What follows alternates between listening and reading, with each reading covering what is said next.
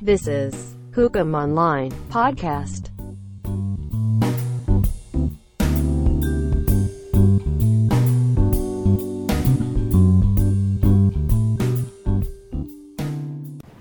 Halo teman-teman, kembali lagi bersama saya Mariam Roja dalam video dan podcast Hukum Online. Kali ini saya senang sekali dan sangat excited karena ini edisi spesial, edisi spesial kemerdekaan dan nggak cuma temanya yang spesial tapi juga tamu-tamunya yang spesial.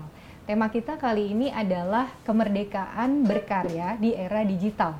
Dan saat ini kita udah punya tamu-tamu spesial. Yang pertama adalah sebuah band yang mungkin teman-teman udah kenal nih uh, lagu-lagunya tuh identik dengan um, mengcapture permasalahan sosial bahkan juga kritik seperti um, di udara itu tentang uh, pembunuhan aktivis Ham Munir dan juga um, jangan bakar buku karena ada kritik terkait peraturan yang membakar buku padahal ilmu pengetahuan itu kan adalah hak gitu ya dan juga um, kenakalan remaja di era informatika pasti teman-teman udah tahu nih siapa bandnya. Nah, di sini ada efek rumah kaca. Efek rumah kaca Halo. ada Bang Holil dan Mas Popi. Iya, eh, absen satu orang, Akbar nggak bisa hadir. Iya, sayangnya Akbar nggak bisa hadir, tapi nggak apa-apa. Meskipun begini juga pasti diskusinya bakal seru nih. Nah, di samping itu satu lagi em, tamu spesial kita kali ini adalah Mbak Dewi Soeharto atau biasa dipanggil Mbak Deyang.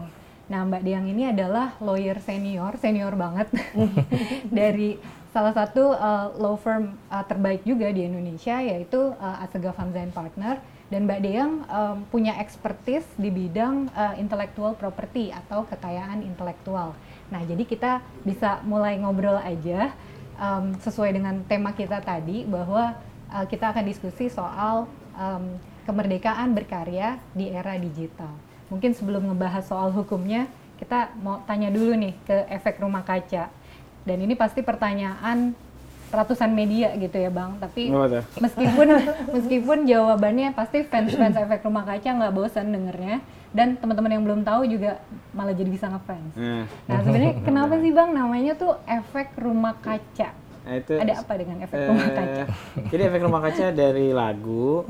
Lalu eh, sebagai band kita punya nama, tapi waktu itu namanya udah ada yang pakai di di kota lain gitu temen waktu itu ngasih tau eh udah ada lu orang nama bandnya eh band namanya. Waktu itu kita pakai Super Ego. Super ego. udah ada di Jogja. Oh daripada nanti kita dispute ya kalau udah kalau udah sama-sama jalan gitu akhirnya kita memutuskan ganti nama. Oh, oke. jadi terus kita pikir-pikir ada nggak ya band yang mau pakai nama efek rumah kaca, gitu. Karena kita punya lagu efek rumah kaca. Kayaknya nggak ada deh. Udah deh daripada kayaknya nih aman nih akhirnya kita pakai namanya efek rumah kaca lah. Nggak ada hal yang filosofis Climate sebenarnya change gitu. Iya kalau lagunya iya. Oh, Tapi kenapa kita pilih itu sebagai nama band tuh semata-mata karena kayaknya jarang nih orang yang mau pakai nama ini supaya nggak sama aja sama band lain. Catchy juga sih jadinya orang kayak Kayak model ya sekarang justru yang kece-kece. Nah ternyata Dan apaan tuh efek rumah kaca gitu. nah jadi itu latar belakang eh, nama efek rumah kaca Hmm, ya. nah terus terkait soal mulai hukumnya nih Mbak Deyang ya kan biasanya ya musisi kayak tadi soal nama dan juga soal karya nah kalau banyak orang bilang kalau dipatenin aja tuh lagunya atau dipatenin aja tuh eh, lukisannya atau karyanya Iya. gitu itu sebenarnya tepat nggak sih istilah itu dan Iya. mungkin bisa digambarkan dari kacamata eh, hak keka- eh, kekayaan intelektual Iya, gitu. Jadi sebenarnya itu definisi hak kekayaan intelektual itu namanya juga kekayaan intelektual yaitu Hmm. adalah uh, sistem hukum yang melindungi orang dari karya-karya intelektualnya. Hmm. Nah karya intelektual itu kan bermacam-macam ya. Uh, kalau untuk musik itu masuknya pelindungannya dari hak cipta bukan paten. Hmm. Karena hak cipta itu melindungi uh, karya seperti musik, sastra, kesenian gitu ya.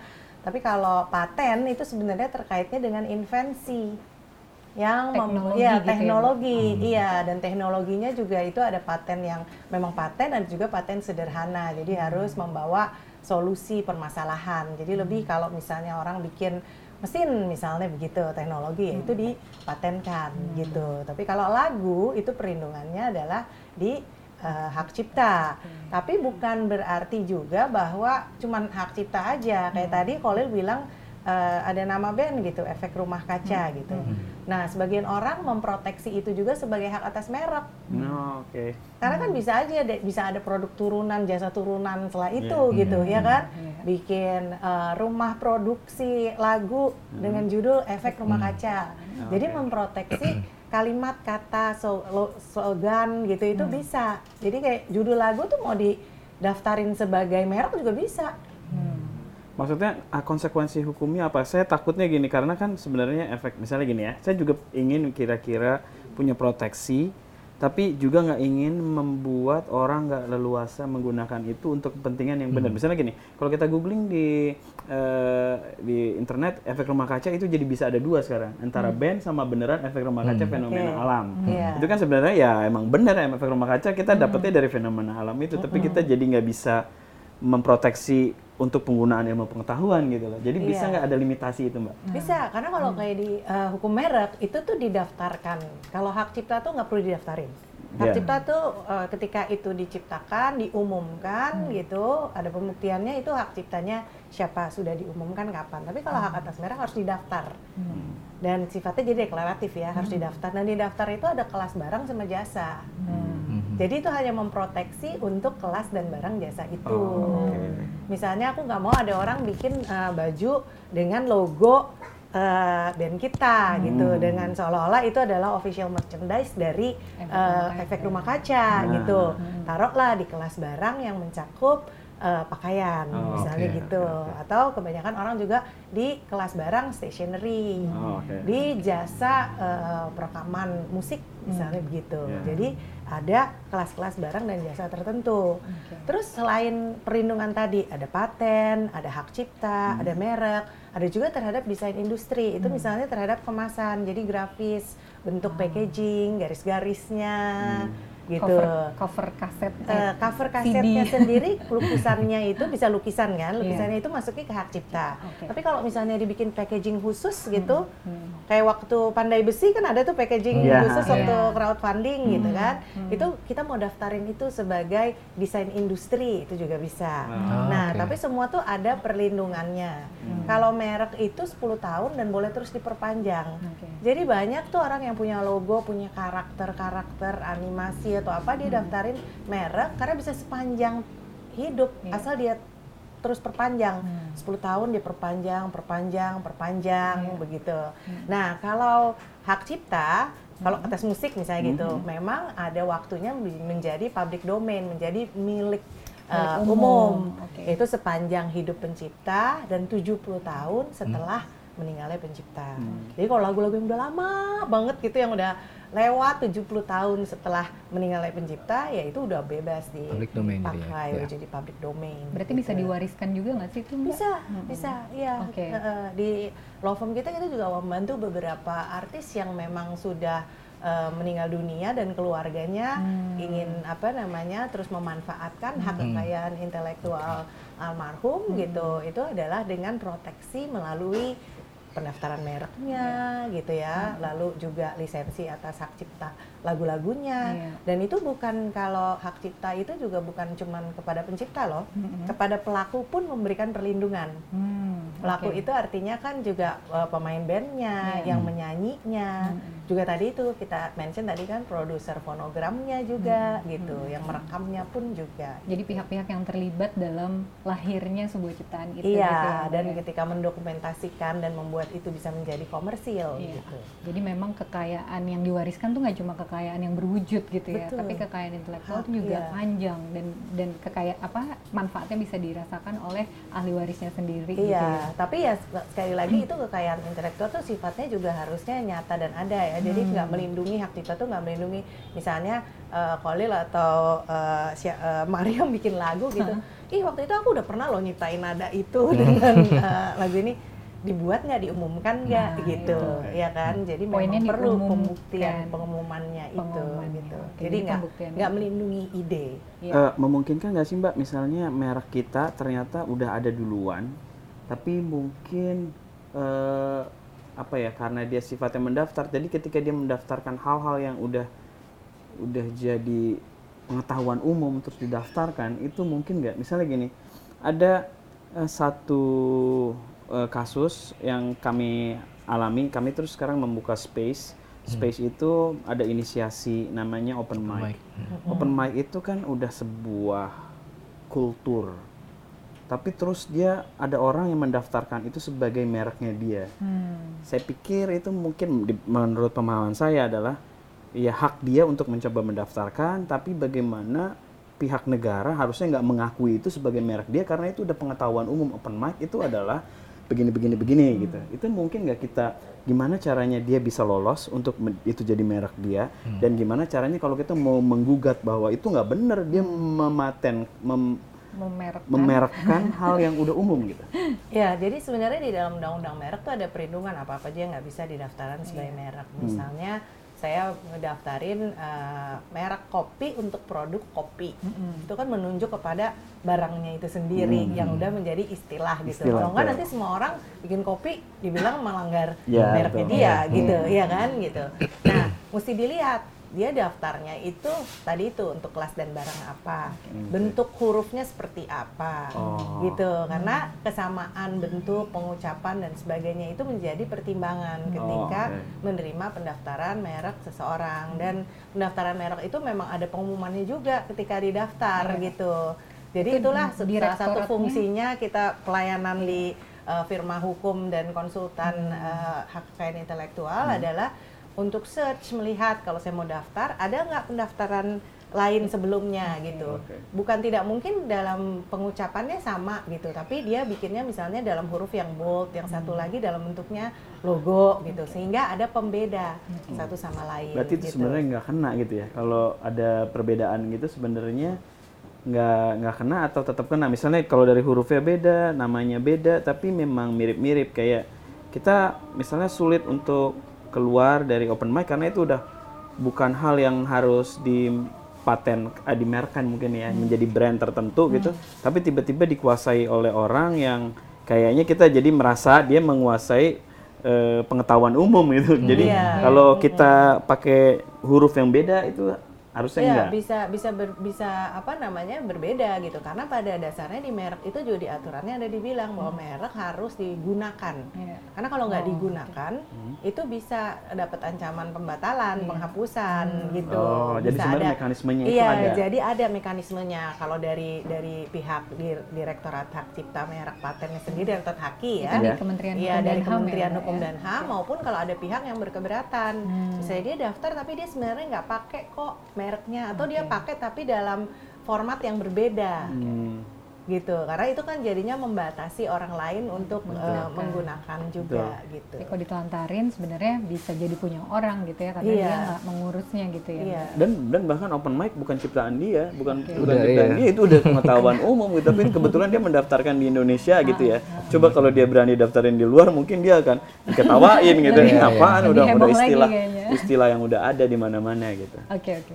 Nah terkait dengan karya seni lagi nih eh, balik ke efek rumah kaca sebagai band dan memilih jalur indie, kenapa efek rumah kaca em, sering menelurkan karya-karya yang memang kritis dan juga melihat permasalahan sosial yang ada di masyarakat itu boleh diceritain nggak, Mas Popi atau Bang Oli? ya pengennya musiknya efek rumah kaca itu cerminan kehidupannya kami gitu ya.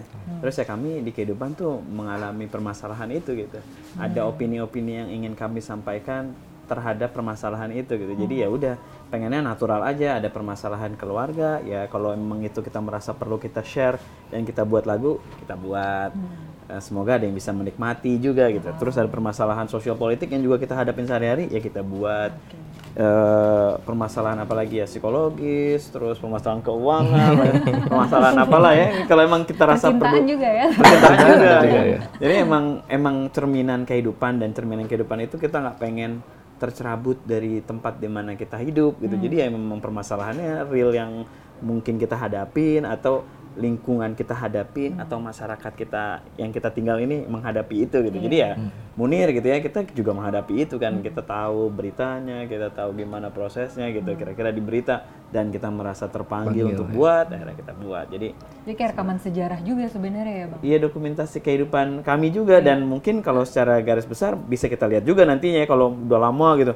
Oh waktu dirilis nih kejadian-kejadian yang terjadi di misalnya saya tinggal di Ciputat gitu ya kayak gini atau di Jakarta di Indonesia adalah gitu ya yang bisa kita dapat dari situ gitu. Nah, Arsip Mas- ya, jadi Mas arsip Kopi juga. di- Ada Eh, tambahan? Iya sama juga sebenarnya memang em, jadi mengarsipkan juga sih. Nah, Oke. Eh, kayak saya kan sebenarnya baru juga bergabung di efek rumah kaca dan beberapa pengalamannya belum sebanyak mereka gitu ya. Tapi eh, sudah lumayan relate dan ada sinerginya juga gitu dengan pada saat penciptaan lagu em, kira-kira ada isu apa yang memang memanggil kami ya. Itu lagunya relate dan ah, maksudnya secara harmoni dan nadanya masuk itu bisa juga dijadikan lagu gitu. Akhirnya dikasih ke publik gitu. Jadi konteks sosialnya dapat gitu ya bang ya, karena emang pengalaman langsung gitu ya. Iya, saya langsung secara filosofis karya. juga ingin eh, tadi secara filosofis kita emang ingin menjadi cerminan dari keadaan kita gitu. Jadi eh, bisa kelihatan gitu, terrefleksi gitu. Iya. Dan jadi arsip juga buat, Iya. jadi buat arsip. ini ya. Oke, nah kan waktu itu pernah ngeluarin album ketiga Sinestesia itu kan digratisin tuh. Terus sempet, wah seneng banget sih pasti kita kita gitu yang dengerin. Nah kan di satu sisi biasanya pencipta musik gitu ya eh, justru kan ada keuntungan komersil kalau misalnya bisa menjual eh, kas- CD atau eh, apa pun gitu ya. Nah em, waktu itu efek rumah kaca kayak bikin gebrakan digratisin eh, ininya everybody bisa download, Download ya, ya. eh, Di satu sesukanya gitu. ya babnya Nah, efek nah, rumah itu tuh kaca. kenapa tuh bang untuk memilih langkah seperti itu gitu? Eh, jadi memang ya kita merasa eh, perlu aja untuk bisa sharing sesuatu sama di mana masyarakat di mana tempat kita hidup dan eh, ada secara marketing mungkin. Ada orang yang memang eh, ingin menikmati tapi dia nggak eh, nggak bisa beli gitu atau nggak mau beli atau mau coba dulu. Jadi dia nggak karena dulu belum model streaming gitu ya. Iya. belum belum banyak lah ya. Jadi ingin coba dulu jadi dia bisa download. Tapi dari situ mungkin keuntungan yang lainnya adalah misalnya karena dia suka dia akan mungkin request eh, ke atau datang ke pertunjukan efek rumah kaca atau mungkin membuat permintaan efek rumah kaca untuk tampil di kota-kota tertentu jadi lebih tinggi karena upaya itu itu juga bisa gitu. Jadi jadi ada upaya melingkar juga nggak langsung keuntungan yang kita dapat gitu dari kita menggratiskan. Selain itu ada bubble-bubble tertentu yang memang nggak bisa dijangkau dengan eh, hanya satu metode. Misalnya gini setelah kita gratisin apakah penjualan jadi penjualan digital itu eh, dijual juga secara digital? Jadi orang bisa milih mau beli juga bisa, iya. meskipun di waktu yang sama itu digratis. Iya betul, karena emang orang sekarang hidup di bubble-bubble yang nggak terkoneksi mungkin, Oke. karena algoritma dan segala macam ya. Jadi walaupun udah ada gratisan, penjualan juga jalan-jalan Jalan aja, terus ya. nggak ada Jadi masalah rezeki gitu. nggak ke mana nih ya. iya, jadi kayak ya emang udah punya ininya sendiri kali ya Iya. tempat-tempatnya sendiri gitu. Jadi waktu- Itu kita juga eksperimen juga Iya. untuk tahu gimana sih eh, ini semua bekerja gitu kan. Kita nggak pernah tergabung dalam label eh, besar sehingga kita bener-bener nyoba-nyoba sendiri tuh ya, iya Bang, ya. marketing apa kayak gitu-gitu. Jadi ya taste eh, apa namanya coba-coba lah gitu. Heeh. Dan kalau ngegratisin kan biasanya banyak juga eh, yang kita kenal dengan istilah Creative Commons gitu.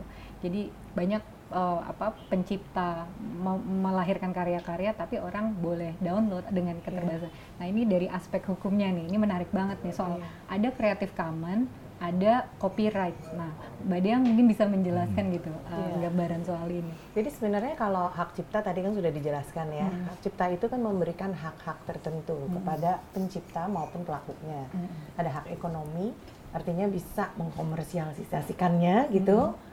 Ada hak moral juga untuk disebut namanya Iya. sebagai si pencipta eh, karyanya ini gitu ya. Nah, kalau di Creative Commons License itu sebenarnya pelepasan atas hak ekonomi itu. Oke. Kan tadi seperti yang dilakukan di RK, memang dikasih gratis gitu, nggak usah bayar royalti untuk penggunaannya dengan alasan-alasan tertentu gitu ya. Tapi sebenarnya memang prinsipnya hak kekayaan intelektual itu harus dibuka. Hmm. Kalau punya haki Mm-mm. nggak terbuka ke orang-orang, orang kan nggak tahu. Nanti ngebuktiinnya juga susah. ya, Iya, Mbak. nggak tahu bahwa apa namanya justru kalau dibuka ke publik gitu orang ada yang mau pakai gitu ya. Apakah itu mungkin lagunya terus saya mau pakai dong buat soundtrack sinetron gitu ya kan atau soundtrack film gitu kan atau saya mau pakai itu buat iklan bisa aja gitu ya kan karena dilihat tuh berbondong-bondong orang apa namanya mendownload gitu karena ini adalah sesuatu yang lagi gratis gitu ya terus ERK itu eh, sudah dikenal gitu ada satu eh, belanja online atau mau yang gratis dia mau pakai lagu nih lagunya juga yang gratis gitu ya. Tentunya kan ada sesuatu gitu deh. Jadi Creative Commons license itu memang sesuatu yang sudah biasa untuk melepaskan sihak ekonomi atas eh, ciptaan tertentu. Tapi memang itu ada biasanya ada tandanya Iya. CCL gitu ya Iya, Creative Commons license dan itu ada eh, syarat dan ketentuannya Iya. ada yang saya boleh gratis sama sekali gitu Hmm. ya tapi dia bilang juga boleh gratis boleh diubah bahkan Oke. boleh diubah Inovatif, ya. ya tapi kalau ada produk turunannya please lakukan hal yang sama seperti saya harus dikasih free juga Oke. Gitu Hmm. jadi memang ada syarat ketentuannya itu ada ada ada tanda-tandanya sendiri komersial, logonya, non iya. komersial, iya boleh komersial boleh non komersial non komersial rata-rata kayaknya. Jadi Iya. teman-teman yang mau yang udah punya karya pengen ngambil jalur Creative Commons juga mesti lihat term and condition yang tadi ya. Iya, Mbak kita ya. memberikannya tuh hanya Sejauh untuk seluruhnya gitu, eh, termasuk hak karena kan macam- macam-macam. Ada buat pengumuman, penggandaan, perubahan Iya. gitu ya, di eh, ditransformasi, diadaptasi ke bentuk-bentuk eh, lain Iya. gitu. Apakah itu diperbolehkan apa tidak Oke. gitu. Jadi itu sebenarnya eh, jadi RK juga pakai Creative Commons di hampir semua lagunya kemarin Eh, tiga album itu karena jadi Creative Commons kan bu- hal yang cukup baru di kira-kira 2000-an akhir lah. Si siapa ya Mbak namanya Mbak? Eh, ininya tokoh yang buat nah dia kayak mencoba eh, apa namanya mm, mengerti kenapa eh, di dunia digital ini sekarang perkembangan teknologi itu sangat cepat, tapi terus banyak eh, hal-hal eh, yang terhambat karena banyak orang nggak bisa memakai lagu tertentu karena itu kan misalnya nggak nggak mau izin itu karena banyak hal. Karena orangnya bisa nggak tahu di mana mau Iya, izinnya gitu. iya. nah si eh, pencipta Creative Commons ini ingin bikin sistem supaya kebudayaan ini nggak terhambat gitu. Karena semata-mata karena orang nggak tahu di mana cara izinnya harus berizin, berizin ke mana akhirnya dia membuat ini sehingga kalau lu perlu in, perlu karya gua untuk kepen- kepentingan non komersial yang segala Iya, macam itu yang ada di situ lu nggak perlu izin. Nah itu kita sebenarnya banyak banget ngadepin itu. Jadi kita makanya pengen pakai itu juga biar ya udah kalau emang itu non komersial misalnya buat pendidikan apa pakai pakai aja. Oke. misalnya gini anak SMK bikin video bang mau pakai lagunya nggak buat tugas sekolah. Ya udah pakai aja lah ya. Buat Iya, tugas sekolah. Itu kan iya. jadi kan penting sebenarnya buat proses belajar orang. Malah juga memantik kreativitas lagi Iya juga ya. juga Iya. ngebantu orang untuk ya mereka belajar. Nanti mungkin mereka bisa menghasilkan karya apa lagi Iya, kita nggak tahu iya. kan. Jadi paling nggak dia nggak terhambat lah proses itunya walaupun eh, toh dia tuh nggak dapat keuntungan secara komersial karena karyanya memang buat itu kan non komersial untuk belajar gitu. Jadi akhirnya kita merasa fit dengan sistem Creative Commons yang dibuat itu. Ya udah kita pakai gitu. Ini jadi penasaran nih bang, waktu ngegratisin sama ngejual secara paralel, Hmm.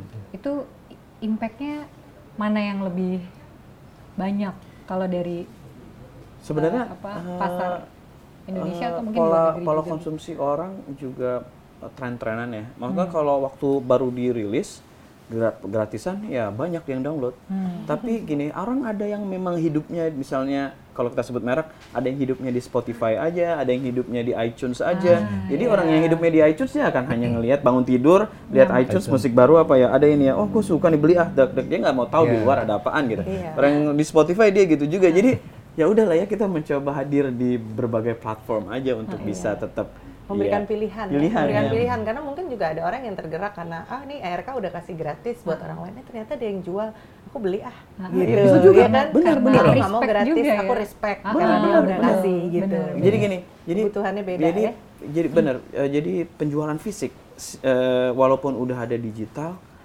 untuk penggem- untuk band-band independen itu nggak nggak nggak turun lah, nggak banyak tapi tetap Tetep eh, ya. stabil. Misalnya kalau ada band-band kayak RK nih eh, mungkin antara 7.000 sampai 10.000 Hmm. sebelum digratisin, sesudah digratisin atau ada digitalnya, ada bajakannya. Hmm. Itu rata emang segitu. Jadi orang udah punya eh, Seleranya masing-masing. Iya kalau udah kalau udah punya uang beli aslinya. Kalau sekarang mungkin masih dengar di YouTube aja kayak gitu-gitu ada keinginan untuk eh, menghargai atau meng- memberikan apresiasi gitu kepada si bandnya gitu. Jadi nggak terganggu sih sama itu. gitu ya. Oke, kembali ke apresiasi ini balik lagi ke Mbak Deang. Kalau kita misalnya ke karaoke gitu Mbak atau ke hotel, kafe gitu ya. Kan mereka ada muter lagu. Em, karaoke juga orang ma- malah bisa nyanyi gitu ya, dimanfaatkan juga lagunya dan pemiliknya mendapatkan keuntungan juga atas itu gitu. Iya. Nah, itu kalau dari segi hukumnya gimana tuh Mbak Deang? Sebenarnya hukum uh, hak cipta kita tuh sudah memberikan perlindungan yang cukup jelas, terutama terhadap uh, pelaku di industri musik ya. Karena uh, sudah dibentuk lembaga-lembaga manajemen kolektif juga untuk membantu pemungutan royaltis Iya. Terhadap uh, lagu-lagu gitu karya gitu yang dipakai oleh berbagai pihak. Malah udah ada rate-nya khusus. Karaoke berapa? Berapa? Karaoke Oke. keluarga, karaoke uh, eksekutif itu berapa? Oh, beda-beda tuh kali? ya? Iya, beda-beda Oke. gitu. Nah, mungkin kan GRK pasti juga udah bergabung dengan Iya, apa kebetulan kami namanya? udah, Iya eh, kan?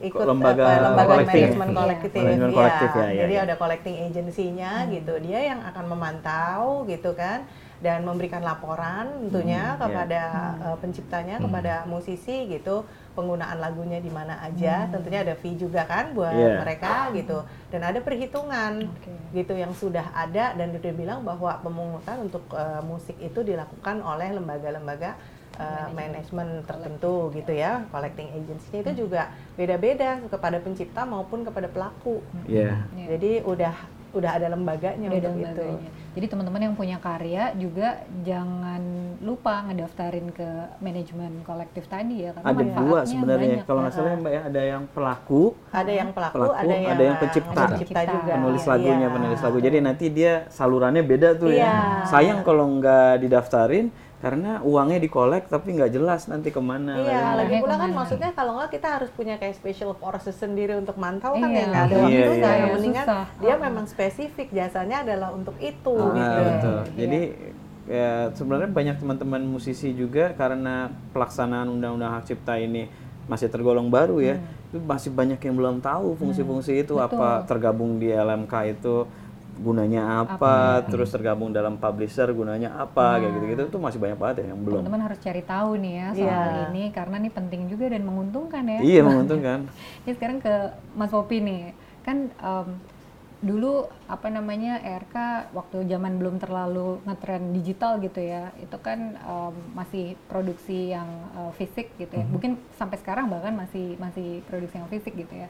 Tapi pada saat boomingnya orang dengerin musik lewat digital, lewat Spotify, lewat Joox, Apple Music dan lain sebagainya, itu transisi apa yang dirasakan gitu eh, saat ini gitu? Iya, jadinya memang eh, akhirnya pemetaan eh, untuk promosinya juga ke arah situ juga akhirnya karena banyak platform yang serba digital, jadi strateginya pun eh, semuanya ke arah situ. Jadi penyesuaian lah jadi. Walaupun sebenarnya fisik juga masih diiringi gitu, selalu ada em, masih jadi romantisme juga gitu untuk Iya. orang-orang memiliki fisik selain juga eh, fanatik dengan bandnya atau semacam itu gitu ya. Jadi memang jadi malah itu strategi juga untuk membuat uh, satu lagu yang dipromosikan itu menjadi lebih panjang usianya juga. Karena kadang sekarang kalau kita dengar uh, satu lagu ke lagu yang lain tuh cepat sekali waktunya dan orang akan berganti um, dari uh, band satu satu satu band ke band yang lain gitu. Jadi untuk supaya uh, orang lebih mengingat lebih lama itu ada strategi khusus lagi misalnya uh, konten-konten selain di audio ada yang video yang berkaitan dengan audionya kayak video lirik atau nanti ada video klip tapi itu teaser. Ada teasernya juga lagu. sebelum, Iya. iya. Teaser masing-masing platform beda-beda. Ada, iya. Wah, itu PR lagi. Iya. Kerjain. Jadi produksinya juga jadi macam-macam memang gitu iya ya. jadi memang caranya itu kita uh, sedikit banyak juga menyesuaikan dengan itu gitu. Tapi kalau ditanya menguntungkan atau merugikan nih ada platform-platform digital. bagi Ya. bagi orang yang belum pernah merasakan ceruk di eh, industri musik Hmm. eh, lama gitu ya, ini sih menguntungkan ya. Menguntungkan ya. karena juga eh, apa namanya informasi aksesnya tuh eh, lebih real. Oke. Kita bisa punya dashboard, misalnya bandnya punya dashboard, itu langsung bisa ketahuan kan. Ke-detect gitu ya Di- semuanya. di- didengerin oleh siapa, Berapa- ya. di mana, Mana, ya, berapa banyak gitu. Lalu dari situ kita bisa menganalisis data itu lagi untuk oh ya, ini di kota ini ya. banyak, berarti Oke. eh, kita bisa konser gitu. kita bisa konser, kita bisa promo bikin eh mempro promote ke eh, misalnya bikin proposal untuk bikin konser ke ke misalnya ke orang yang bisa bantuin promotor ya atau yang bisa support acaranya dengan data-data itu. Iya. Terus bahkan ada band yang kayak Metallica atau apa gitu ya. Dia kayak bikin playlist, dia mau konser di kota tertentu berdasarkan eh, banyaknya lagu yang diputar di Iya. kota, Kota itu itu. melalui platform tertentu misalnya Iya. gitu. Itu kan kayak Memudahkan informasinya ya. iya memudahkan dan tepat guna gitu. Orang yang mau di- marketing strateginya Iya. juga gampang ya. Nah, kalau kalau kita dulu di industri musik kan saya nggak pernah ada di dalam ya, tapi dapat datanya bahwa album laku sekian 5 juta kopi gitu. Itu lakunya di mana Itu kan nggak- iya. belum tentu dapat informasi itu. Jadi Jadi udah berkahnya itu. ya. Tapi mungkin share-nya lebih kecil kali ya dibandingin kalau penjualan fisik zaman dulu gitu. Berhubung kita nggak pernah dapat, jadi kita merasa yang ini cukup-cukup aja. Oke. Nah, terkait soal digital tadi, transformasi ya dari yang gaya lama sama sekarang platformnya digital. Nah, secara hukum nih Mbak Dea, dari kacamata hukum, apakah regulasinya sudah mengakomodir fenomena ini gitu? Eh, gimana menurut Mbak Dea? Sebenarnya kan baliknya basicnya kan ke undang-undangnya ini mengatur haknya tentang apa gitu kan di hak cipta eh, di undang-undang hak cipta merek gitu semua kan kayak sanksi hukum apa yang tidak boleh itu kan semua kan udah Udah jelas, ya. udah jelas gitu. Jadi kalau misalnya orang bilang saya melakukan ini oh itu masuknya ke eh, penggandaan tanpa izin. Oh ini saya menyanyikan tanpa izin itu masuknya ke pertunjukan misalnya gitu. Jadi memang udah ada kategori kategorinya gitu untuk itu. Gitu. Jadi hukum yang ada sebenarnya sudah mengakomodir mau itu transform caranya lewat digital, itu hukumnya sudah bisa. Ya karena tindakannya kan sebenarnya Tindakannya sama. sebenarnya sama itu kan aja. hanya karena dilakukannya dengan cara apa dan mungkin pembuktiannya. Hmm. ya kan? Pembuktian tentang tindakan-tindakan yang dilakukan. Justru malah kalau di digital tuh udah ada beberapa software-software tertentu yang bisa uh, mendeteksi, Mendeteksi, gitu. saya sendiri gitu dari pengalaman jadi IP lawyer zaman dulu sama sekarang gitu. Bisa uh, klien datang dia bilang saya tuh punya software misalnya software untuk uh, desain gitu desain suatu mesin tertentu gitu.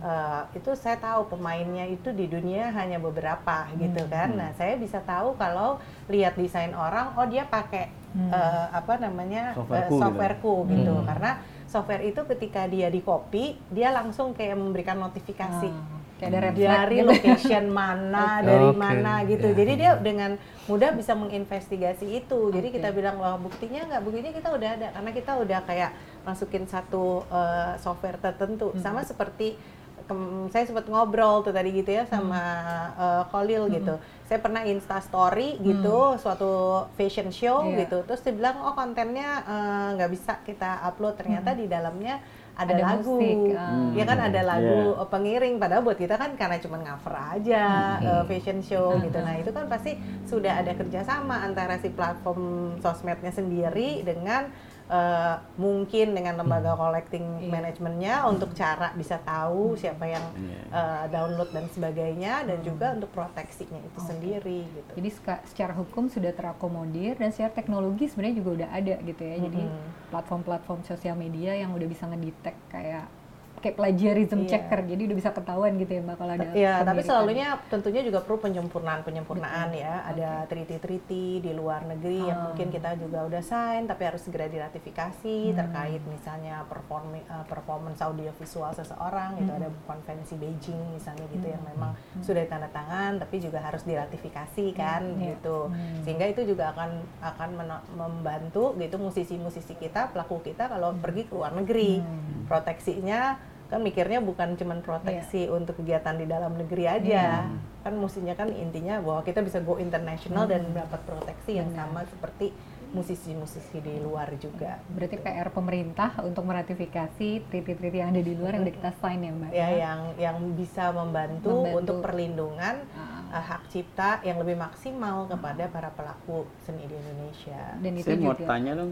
Boleh, eh, boleh. Mbak. Jadi gini Silakan. kemarin ada kalau ya sekitar belum lama lah ya, ada Ah. band merasa uh, pencipta lagu merasa lagunya dinyanyikan oleh orang di panggung, Hmm. lalu tanpa tanpa izin sebenarnya. Eh, lalu si penyanyi itu ternyata ketika menyanyikan lagu itu direkam oleh orang lain, Hmm. direkam oleh orang lain itu tanpa sepengetahuan si penyanyinya Hmm. terus digandain lah banyak digandain dalam artian diupload ke YouTube itu terus banyak orang nonton gitu jadi eh, akhirnya si pencipta lagu utamanya kayak marah-marah gitu. Tapi sebenarnya si si apa namanya penyanyinya itu bilang bukan dia yang gandain gitu. Jadi eh, terus ya ra- rame lah gitu. Kalau nggak salah belum lama itu ada kasusnya di kita gitu nah ini saya mau nanya itu gimana ya kira-kira jalan keluarnya? Atau sebenarnya duduk permasalahannya itu apa gitu? Karena kalau nggak salah kalau lagu udah dirilis kayaknya orang boleh bawain gitu ya Iya, karena kan sebenarnya intinya apalagi kalau penciptanya itu masuk ke uh, udah sign up sama uh, collecting agency tertentu. Artinya kan dia memang membolehkan lagunya asal dibayar. asal dibayar Iya kan, gitu kan asal dibayar royaltinya, iya kan? Berarti kan itu kan tadi itu pr- tapi nggak perlu prinsipnya. izin ya mbak Eh, kalau izinnya tuh dengan dia membayar, artinya dia udah kan udah Oh, oke. mem- memberi eh, Keuntungan. keuntungan, jadi Oh, udah iya. bayar royalti, Iya. artinya dia udah setuju dong, udah kan Oke. udah diberikan kuasa kepada collecting agency untuk eh, deal mengenai itu gitu. Jadi perlu dilihat dari segi itunya juga Oke. gitu. Nah si pelakunya sendiri, jadi sebenarnya kalau dia nyanyikan itu juga ada aturan-aturannya, nyanyikannya tuh di dalam konser seperti apa, Oke. bagaimana gitu kan. Nah jadi itu sebenarnya bisa si penyelenggara konsernya sendiri harus membayar royalti. Iya iya Artinya kan begitu gitu Iya. kan. Nah, si pelakunya sendiri sebenarnya membuat suatu foto aja kita tuh sama orang kita harus minta izin Hmm. sama yang difoto. Hmm. Artinya kan sebenarnya yang membuat video itu gitu ya kan, apalagi terus menguploadnya dan apanya itu kan sebenarnya mestinya kan juga ada izin mengenai hal itu gitu. Jadi bisa dilihat diuru- diurut sebenarnya ini dengan kondisinya gimana apa, apa, gitu, gitu. Oh, ya. Iya tuh Pak. Eh, soalnya kalau di sini saya kurang tahu juga ya gimana. Waktu itu saya sempat ketangkap kayaknya ibu saya ketangkap kamera gitu sedikit aja untuk acara tiba-tiba langsung disodorin form konsen ini ibu kayak ketangkep tadi kita lagi acaranya lagi seru lagi lagi bagus banget boleh nggak kita dapat konsen untuk bisa upload gini ya udah kita tanda tangan aja Jadi karena memang itu dan ya. dan gitu bahkan Iya, apalagi kalau kita mau pakai shoot-shoot itu stok itu itu keperluan Komersial. komersial Iya. gitu. Iya kan, banyak sekali kan case-case seperti itu. Saya merasa waktu itu dipotret ah lagi ke acara apa aja kok tiba-tiba udah ada di eh, material promosi kegiatan Ah, Anda gitu. iya. Karena kan di situ juga orang kan juga punya pencipta juga dia punya hak moral tadi itu betul. gitu. Mungkin dia Jadi mau etika ada juga iya, ya, ya? dia mau saya nggak mau kalau itu terkait dengan promosi produk-produk tertentu. Oh, Oke, gitu, nah itu juga misalnya. dia klaimnya eh, waktu itu kalau saya bisa sebut kasusnya waktu itu Jering dengan Via Valen. Kalau si Jering merasa bahwa nafas lagunya ini udah melenceng dari dari waktu dia menciptakan itu juga kan jadi eh, saya nggak tahu juga tuh gimana eh, secara hukum me- apa namanya menanggapi permasalahan itu itu mungkin ya kayak Iya. beda dengan bisa bisa jadi misalnya apalagi misalnya karya gitu terus eh, di mutilasi gitu ya, Iya. ya kan? saya nggak mau awalnya tuh saya nggak mau gitu kayak Ah, gitu, ya. gitu. Jadi si pencipta lagu masih punya power untuk bisa menahan itu ya. Iya itu ada hak moral, Ada hak gitu. moral, oke. di situ yang perlu diperhatikan. Hmm. Oke nih eh, Bang Holil, Mas Popi, Mbak Deang, kita tuh sebenarnya tadi sebelum mulai acara tuh udah ngundang eh, warganet untuk ikut partisipasi juga bertanya. Nah ini udah ada beberapa pertanyaan-pertanyaan yang tentunya menarik yang relevan juga sama apa yang kita diskusiin sekarang. Eh, contohnya yang pertama dari eh, Satya Raka em, nanya lewat Instagram, bagaimana tanggapan eh, narasumber yang ada di sini terhadap masyarakat yang masih punya kebiasaan cover lagu tanpa izin dan mereka mendapatkan keuntungan dari perbuatan cover tersebut. Tadi kita udah sempat singgung ya sedikit, Iya. tapi mungkin bisa lebih dijelasin lagi mungkin ke Mbak Diang dulu. Ya, sebenarnya balik ke teorinya tadi itu bahwa eh, hak cipta itu memberikan hak ekonomi sama hak moral gitu. Jadi kalau mengcover lagu, intinya kalau ciptaan orang dipakai itu kan mestinya izin Iya, gitu kan. iya. Izinnya tadi itu balik lagi bentuknya harus menghubungi langsung atau dengan membayar si eh, royalti tadi gitu.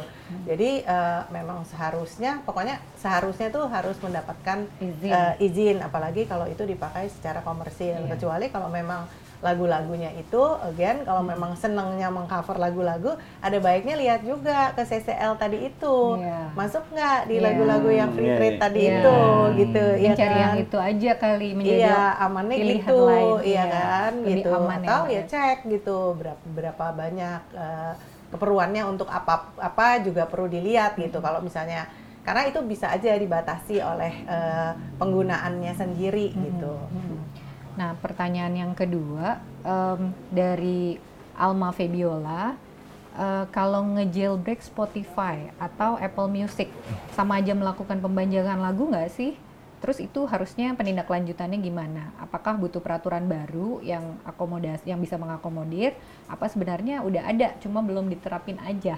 Nah, Kan kalau jailbreak. jailbreak tuh artinya dia nggak mau bayar kan? Hmm. dia artinya dia nggak mau bayar eh, karena kan eh, itu kan angka yang kita bayar untuk langganan Spotify Hmm. gitu itu kan adalah cerminan daripada royalti yang kita bayar, maksudnya kompensasi yang kita bayar Hmm. untuk eh, kekayaan intelektual seseorang yang kita nikmati, artinya kan begitu. Hmm. itu Artinya kan hukumannya itu- apa sih Mbak? Gitu. misalnya- ada hukumannya di undang-undang hak cipta itu ada hukuman pidananya maupun dendanya. Nah, Iya, jadi ada yang sampai tiga tahun, 4 tahun, lima tahun tergantung itu menggandakan atau mengumumkan Ah, gitu ah. kan atau merubah gitu Hmm. kan.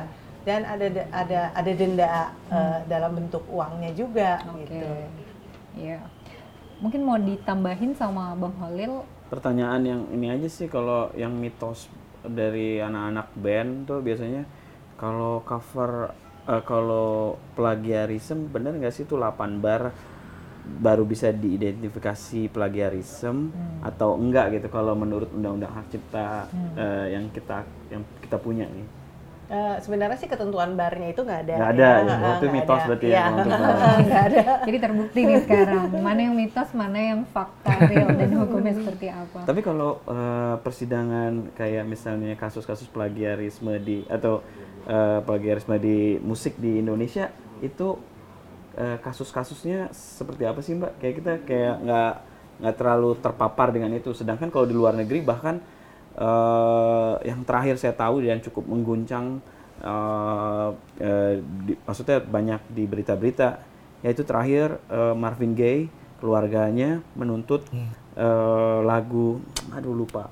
Jadi lagu itu bahkan secara notasi itu kalau di di itu di tab, ada tablasinya tablaturnya tuh nggak mirip nadanya tuh tapi suasananya mirip. Nuansa. suasananya jadi nuansa mulai kena gitu. Oke. jadi ketika kita bikin lagu dengan nada yang berbeda beat yang sedikit berbeda tapi nuansanya sama itu kena. Si Marvin Gaye itu menang nih keluarganya itu sampai di keputusan itu kayak wah gitu kan. Kalau dulu kan orang gini nadanya mirip ya oke nih kena mirip banget nadanya. Tapi ya udah itu nada ya karena emang bener-bener emang kali ya emang nyolong kali ya gitu kali ya. Orang tapi yang sekarang ini kayaknya enggak tapi Nuansanya kalau nggak salah itu suasana di belakang ada teriakan "Hei," gitu. tapi nadanya beda gitu kalah ini menarik nih. Mungkin Mbak Deang punya pengalaman nih dari ngala- apa ngadepin kasus-kasus gitu ya. Kalau di Indonesia mungkin bisa di-share juga apakah ada kasus yang seperti ini atau mungkin ada kasus menarik yang juga bisa di-share gitu di Ya. sini. Jadi sebenarnya kalau hukum itu kalau kita mengklaim sesuatu eh, yang menuntut itu dia harus buktikan. buktikan Nah, Iya kan? Jadi bagaimana gitu. itu kan tergantung pembuktiannya gitu. Apalagi tadi itu kan bahwa tergantung pengumumannya. Karena bisa aja gitu suatu kali ada kita menciptakan lagu gitu. Benar-benar nyiptain lagu gitu. Waktu aku ciptain aku tuh ciptain sendiri kok. Aku malah bahkan belum tahu ada lagu. Iya. Itu kan bisa terjadi gitu. Mungkin, ya. Sehingga kan balik lagi ke kesuksesan daripada klaim itu akan tergantung kepada pembuktian. Kalau kamu punya merasa mempunyai bukti yang cukup untuk Iya. itu gitu, bisa saja itu Iya. dilakukan gitu. Hmm. Kalau pengalaman kita juga sebenarnya juga misalnya yang banyak yang menarik misalnya soal ciptaan bersama gitu. Nah, bagi-bagi Iya gimana kan, tuh? ciptaan bersama tuh gimana gitu. Jadi ada kasus di mana kita juga bantu se eh, keluarga musisi gitu, yang dia sendiri juga mendapat klaim gitu bahwa ya kan di awal mereka teman main, teman ngeband, mereka bikin aja bareng-bareng Nah, terus gitu, nggak iya. dibilang tuh ciptaannya ciptaan siapa gitu. Hmm. Kamu Padahal- setengah ya, aku sepertiga gitu misalnya. Gini tuh nggak ada gitu seperti itu gitu kan. Jadi kalau ciptaan bersama artinya kan harus persetujuannya persetujuan bersama begitu kan. Nah, dan waktu itu tuh Eh, jadi harus sebenarnya harus jelas Hmm. gitu. Jadi kadang-kadang itu hal-hal yang mungkin gitu di band atau apa gitu ya, itu sesuatu yang memang harus diperjelas nih. Hmm. Secara ini kita mau daftarin ya tadi itu kan, Hmm. kalau dia bilang eh, nggak ikut collecting agency, ketika mau ikut collecting agency kan mesti isi, Betul. Hmm. Iya. ya kan? Heeh. Ini karyanya karya siapa? Iya. Jadi kan semua itu kan diberesin, jadi Iya. ada SOP-nya Iya. sebenarnya untuk itu gitu kan. Kalau menciptakan karya jelas Iya. eh, punya siapa dan bagaimana gitu, sehingga itu bisa menjadi pembuktian tentang kepemilikan daripada si karya itu sendiri gitu. Jadi teman-teman yang uh, pencipta jangan buang-buang karyanya karena itu bisa jadi alat bukti gitu ya Mbak kalau nanti di, ke depan ada sengketa yang tadi udah sempat di-share juga gitu. Nah, ini Kalau uh, sama-sama nggak daftar, tapi kalau hak cipta kan dia lahir harus didaftar juga atau enggak? Enggak, ya? Enggak, enggak. Nanti Tapi- tapi, ya kuat-kuatan Ya mengajukan ini ketika kita mengaju, kita bikin album misalnya gitu Itu di sebagai Within tanda ini ya, kita tuh kita tanda. udah ada sepakatnya bagaimana Tanda. gitu, ya kan? jadi pengumumannya yang penting ya Mbak ya pada saat Iya, itu di- pengumumannya terus udah gitu juga ini ciptaan siapa gitu kan. Jadi itu tuh yang perlu digarisbawahi sama teman-teman. Nah ini ada pertanyaan lagi dari warganet eh, Eli Sulistiowati 25 untuk ERK. Jika kita perhatikan secara seksama, era digital memberikan dampak positif dan negatif yang cukup signifikan. Terbukti dengan banyaknya pelanggaran terhadap hak kekayaan intelektual milik pelaku seni.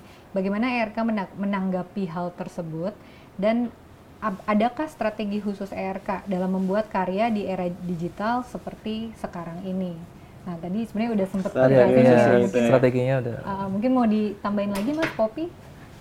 Eh, ya kita mau coba eh apa namanya ngikutin eh, bagaimana orang mengkonsumsi sekarang gimana gitu. terus ya udah kita berusaha untuk ya namanya juga marketing gitu ya eh, promosi gitu jadi berusaha untuk hadir di tempat-tempat itu yang kita mungkin dulu nggak melakukan itu jadi Adaptasi berarti ya. adaptasi adaptasi sama di mana dan bagaimana orang mengkonsumsi musik itu sendiri di era sekarang Hmm, Oke. itu sih Mas Poppy ada tambahan? Hmm, apa ya selain strategi juga ya maksudnya eh, sedikit banyak ya kayak tadi dibilang cuma eh, kalau pelanggarannya itu apa ya mungkin lebih ke sistemnya memang kan sekarang masih pembenahan banget kan dan transisi dari era fisik ke digital gitu. Dan kayaknya kalau untuk em, pelanggaran-pelanggaran itu memang harus ada sistem yang eh, bikin itu lebih fair lagi dan sekarang kelihatannya cukup fair gitu. Tapi juga kayak mungkin eh, sistem yang kayak tadi misalnya cover karena eh, master ya, mungkin covernya agak berbeda dari master aslinya itu yang belum apa ya belum bisa terselesaikan juga gimana masalahnya itu gitu. Oke. jadi mungkin termasuk di dalamnya ada sosialisasi dari pemerintah untuk undang-undang hak cipta itu dampaknya apa di kehidupan kita ini jadi kan mungkin aja karena ketidaktahuan kita. Dan karena banyak mitos-mitos tadi. mitos-mitos plus plus plus eh, cara cara hidup yang baru nih. Digital kan kita cara hidup baru. Kita punya kebiasaan sekarang dengerin Spotify gitu misalnya. Dulu enggak. Terus dari situ bagaimana dulu kita dengerin fisik terus digital. Terus tiba-tiba banyak bertebaran lagu-lagu kayak yang bisa di-download. Apakah download itu pekerjaan ilegal atau enggak kan? Itu kan eh, eh, kita perlu adjust dulu. Jadi kalau emang itu ternyata eh, apa namanya ilegal oh berarti kita nggak boleh melakukan itu. Tapi dengan banyaknya beredar kan mungkin kita jadi ada rasa apa namanya kan ini ada bebas gitu ada gairah untuk mencoba dapat nah itu kan perlu sosialisasi perlu penan apa ya perlu memberikan pemahaman ke masyarakat luas bahwa itu tuh nggak boleh gitu. Misalnya kalau nggak punya izin kecuali memang dia free download gitu ya. Kecuali memang free download. Jadi sebenarnya sosialisasi. Lalu law enforcementnya juga kalau emang ada yang salah eh, pemerintah bisa mengenforce gitu turunan-turunan dari undang-undang hak cipta yang belum jalan karena banyak orang yang nggak menjalankan itu. Kalau bisa ada peraturan turunannya untuk bisa menjalankan undang-undang hak cipta. Lalu kalau ada dispute ya masyarakat dikasih tahu kayaknya. Maksudnya media juga, juga. ada pemberitahan jadi, Jadi kita bisa belajar. semua pihak Ya, ya. kita bisa belajar. Uh, misalnya uh, kasus-kasus tertentu ini sebenarnya yang rame ini dulu permasalahannya apa lalu sebenarnya harusnya kayak gimana? Jadi dari situ kita bisa belajar kan. Oh ya kita nggak boleh begini ternyata nggak boleh begini gitu. Jadi karena karena ini kebudayaan baru gitu ya kita harus bisa menyesuaikan itu yang mana sih yang benernya yang sesuai sama uh, peraturan perundang-undangan lah gitu Iya. kira-kira Ini karena temanya kemerdekaan nih ya. Kalau dari kacamata Mbak Deang nih yang udah pengalaman di dunia hukum dari tahun 89 tadi kita ngobrol-ngobrol, udah senior banget dan em, kalau menurut pandangan Mbak Deang apalagi concern di bidang eh, intellectual property, eh, apakah hukum sejauh ini sudah cukup memerdekakan masyarakatnya untuk bisa berkarya dan mengeluarkan karya-karya dengan segala proteksi dan enforcementnya juga. Menurut pandangan Mbak Dian seperti apa? Ya, saya sih berpendapat maksudnya eh, kemerdekaan berkarya itu sesuatu yang penting gitu. Dan memang harus ada ada rambu-rambunya sebenarnya. Di dalam undang-undang hak cipta tuh ada pasal khusus yang bilang eh, setiap orang itu kalau membuat ciptaan itu jangan yang mengganggu ketertiban umum, kesusilaan. Secara eh, general lah seperti itu gitu kan. Bahwa itu yang menjadi eh, cukup cukup cukup segitu aja gitu ya. Apa namanya? patokannya gitu dan saya setuju banget dengan Khalil tadi itu bahwa perangkat yang sudah ada itu ke sosialisasinya penting untuk dilakukan Iya. kita sendiri di law home kita gitu kita bersedia loh kasih training-training apa namanya eh, gratis untuk Nah. teman-teman No. eh, musisi Oke, kalau bisa iya. Bisa, diinikan ya itu salah satu kewajiban kita gitu Iya. sebagai apa pelaku di bidang ini gitu tentunya informasi di hukum online juga kan Iya. bisa diakses dan sebenarnya kayak putusan pengadilan tuh direktif putusan itu juga bisa diakses loh Iya. Hmm.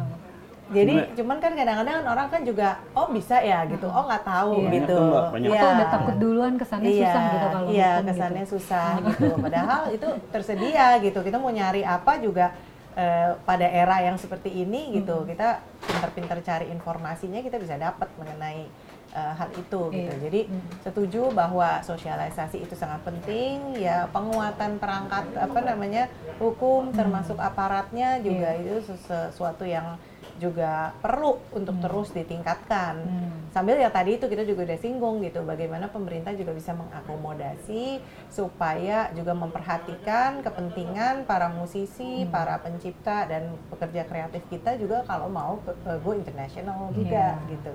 Jadi bukan cuma di eh, dalam negeri aja Hmm. gitu. Jadi diberikan sosialisasi beberapa sih kayak background aku rasa juga banyak tuh klinik hukum dan Iya. bantu untuk pendaftaran eh, hakinya Haknya. juga gitu. Oke.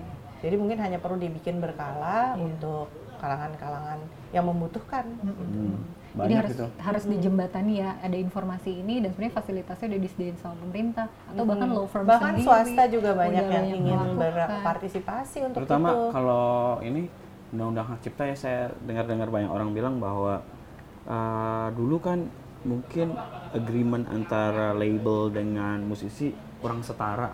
Hmm. Nah, di undang-undang hak cipta itu kalau nggak salah ada yang second bite of apple itu yang 25 tahun. Hmm. Kalau lagu itu misalnya dirilis 25 tahun setelah eh, setelah 25 tahun lagu itu dirilis, kalau mau ada penggandaan ulang harus ada renegosiasi. Hmm. Nah, renegosiasinya itu sebenarnya penting buat si musisi untuk dapat tambahan lagi gitu. Karena dulu mungkin ya dibayar flat aja zaman Iya, dulu kan, iya. dibayar flat. Nah, ini ketika mau dirilis lagi setelah 25 tahun, labelnya meres.